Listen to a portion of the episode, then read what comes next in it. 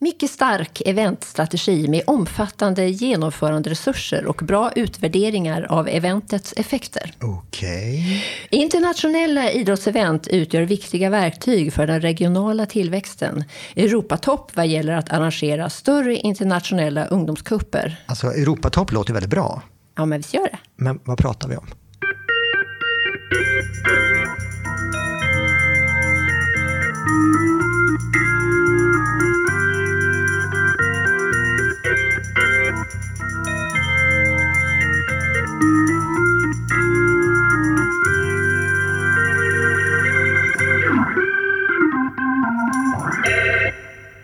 Men då hälsar vi välkomna till Göteborgs Stadsmuseums podd En kvart om Göteborg.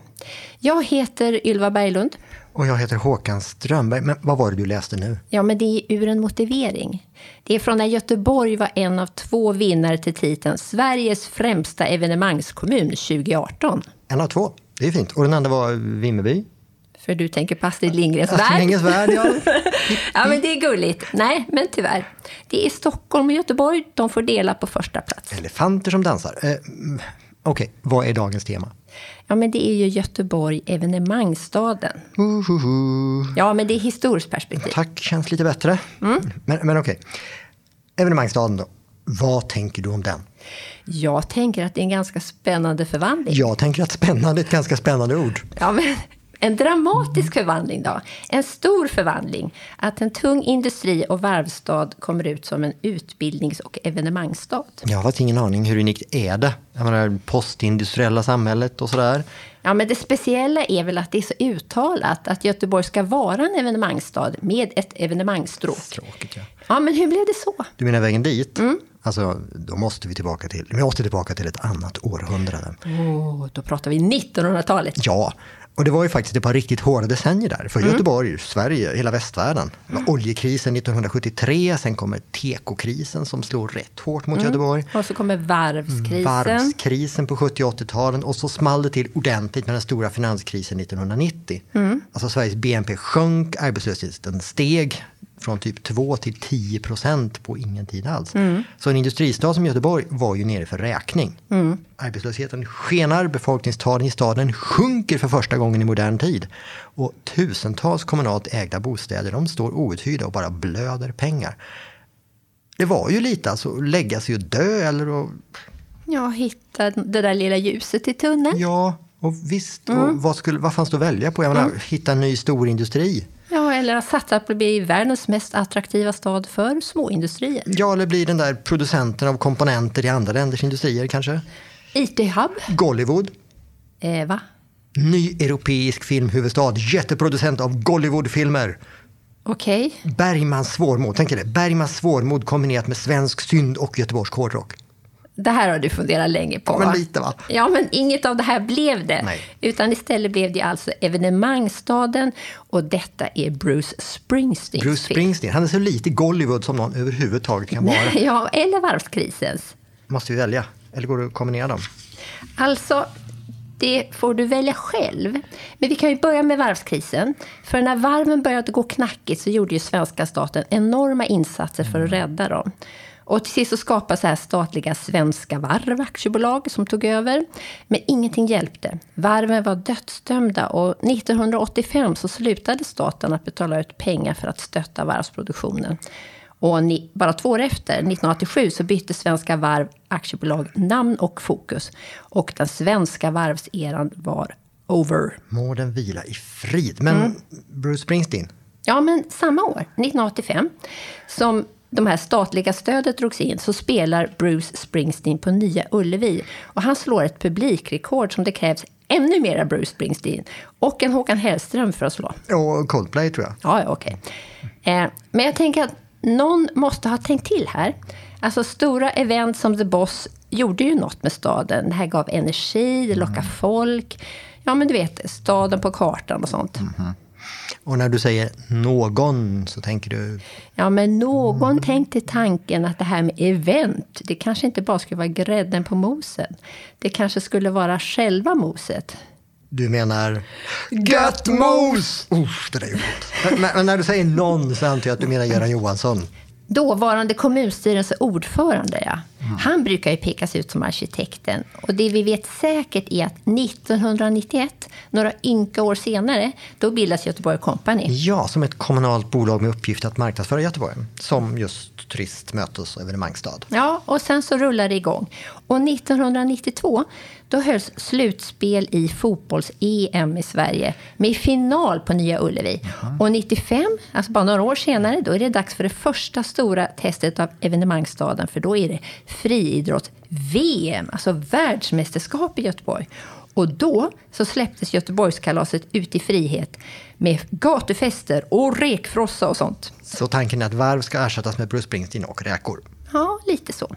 Du vet, enligt principen att evenemang ska locka folk att komma hit, göra av med sina pengar. Det är bra.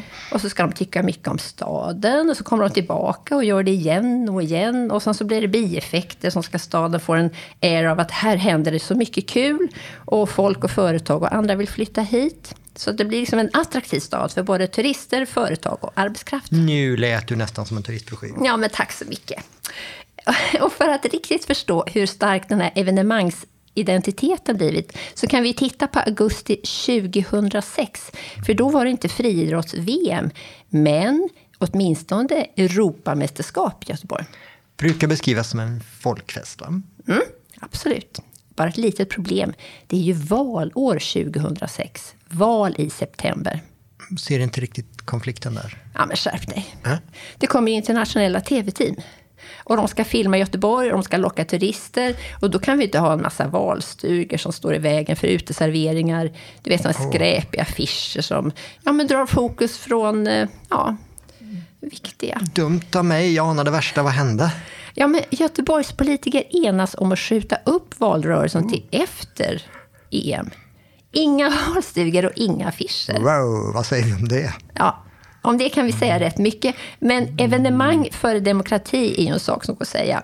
Och det här med att politik versus evenemang har ju bestått. Kanske svårt att undvika i en evenemangsstad. Mm, säkert. Men nu måste vi prata lite arenafråga. Arenafrågan.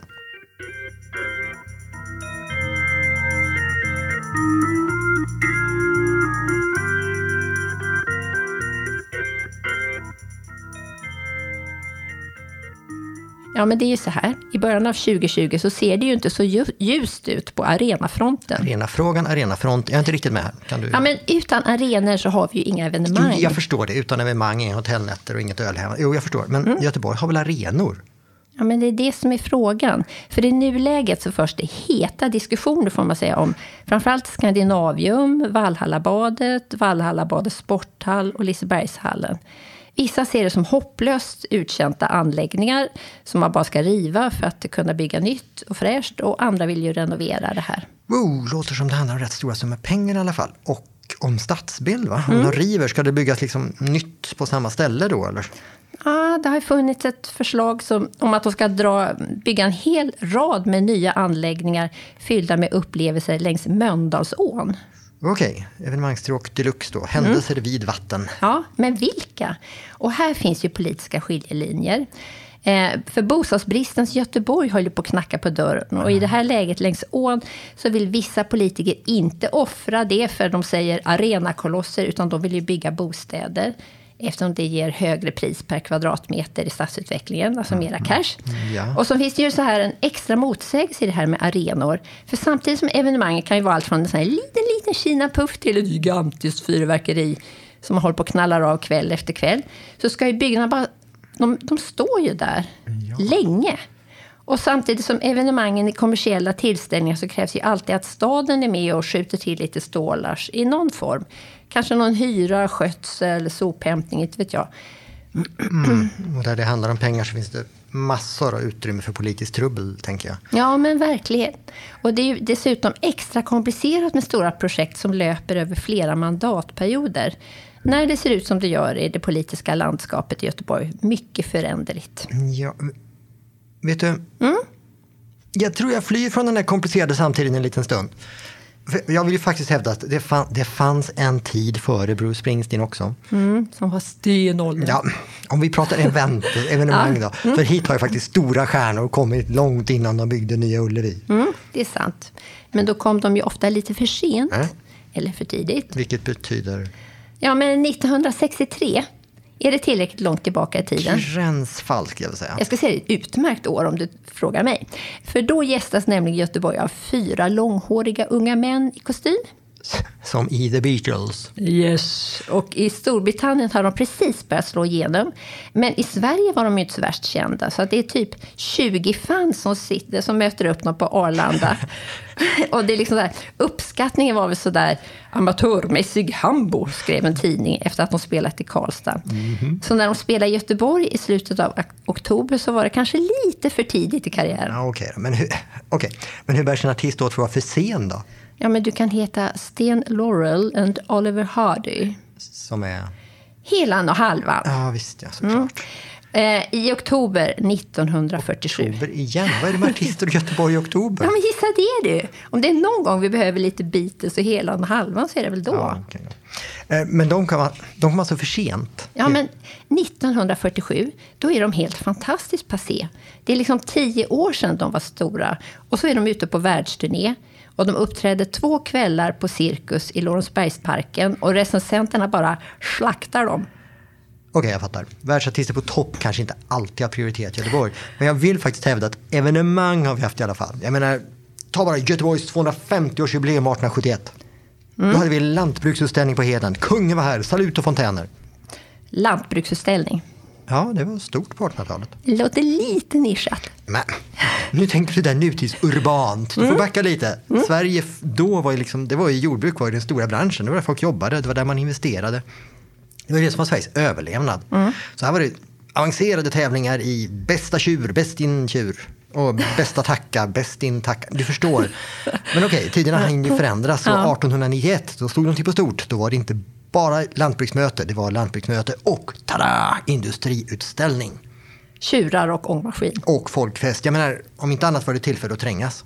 Som var ett argument för eller emot? För! Mm -hmm. Enligt ett kåseri om 1891 så var det här att trängas liksom en, en härlig sensation. Ja. För en gång skulle bli lite storstadsfeeling i Göteborg. Mm. Herr kåsören skriver att Göteborg hade varit kyrkminen och man erfor behaget att röra sig bland skaror där icke var och en kände varannan. Och ibland fick de alltså till och med trängas. Alltså vad pyttigt Göteborg måste ha varit. Alltså du går ut på stan och du mm. känner alla. Och då fanns det ändå, ja vad var det, 100 000 invånare. Det var ju som Örebro. Ja, jag kände alla men ellers. Ja, alla inom din samhällsklass kanske vi ska säga. Lite så va. Mm. Och så får vi inte glömma kändisar. Mm. De här intensiva dagarna lockade kändisar till staden. Bättre än Helan halva? Mycket bättre. Jag mm. citerar en annan kåsör. Där stannar en högväxt främling mitt på planen och kastar en som det tyckes belåten blick på den livliga tavlan framför honom. Det är bekanta drag, vi känner honom alla, stora som små. Det är Nordens, nej världens yppersta sagoberättare. Vem är det? Ja, världens yppersta sagoberättare vid den här tiden kan väl vara Vad är en ful ankunge? Ja. Hans Christian Andersen. Ja, visst är det han. Mm. Och varken 1871 eller 1891 har kanske gått i historien. Mm. Men det var ändå de där dagarna av trängsel och kändisar 1891 som många mindes när de började fundera över jubileumsutställningen 1923. Ja, men jag undrar just när du ska komma fram till den. Men det är klart vi måste fram till den. Det är mm. Göteborgs evenemang all time high. Och då fyllde Göteborg 300 år. Då Göteborg fyllde 302 år. Ja. Berättat, ja. ja, men stod, det stod en sommar, den här mm. utställningen. Med historiska utställningar, industrimässa, nöjespark och så vidare. Och jag hörde någonting om 4 miljoner besök. Mm, 4,2 säger de. Men hur många människor fanns det i Sverige då? Omkring 6 miljoner. Kanske 250 000 i Göteborg. Ja, men jag får inte ihop det här. Alltså, det beror väl på hur man räknar, men vi kan nog säga att de måste ha varit lite kreativa när de adderade antalet besökare. Lite mer plus än minus kanske. Mm. Det måste de Så skulle vi aldrig räkna nej, idag. Nej, aldrig någonsin. Inte nu. Eh, nu, vi är tillbaka i nutiden. Ja, men det kan vi säga. Om den sa vi alltså paus i arenafrågan. Japp. Men behov av festival, konsert, mässor, kulturkalas, det lär ju bestå. Uh, uh, uh, ett vet jag som aldrig dör, eviga evenemang. Och med den mycket moderna Edda-dikten så säger vi tack för idag. Ja, det kan vi. Mm. Okej, eh, tack för att ni lyssnat så hörs vi nästa gång.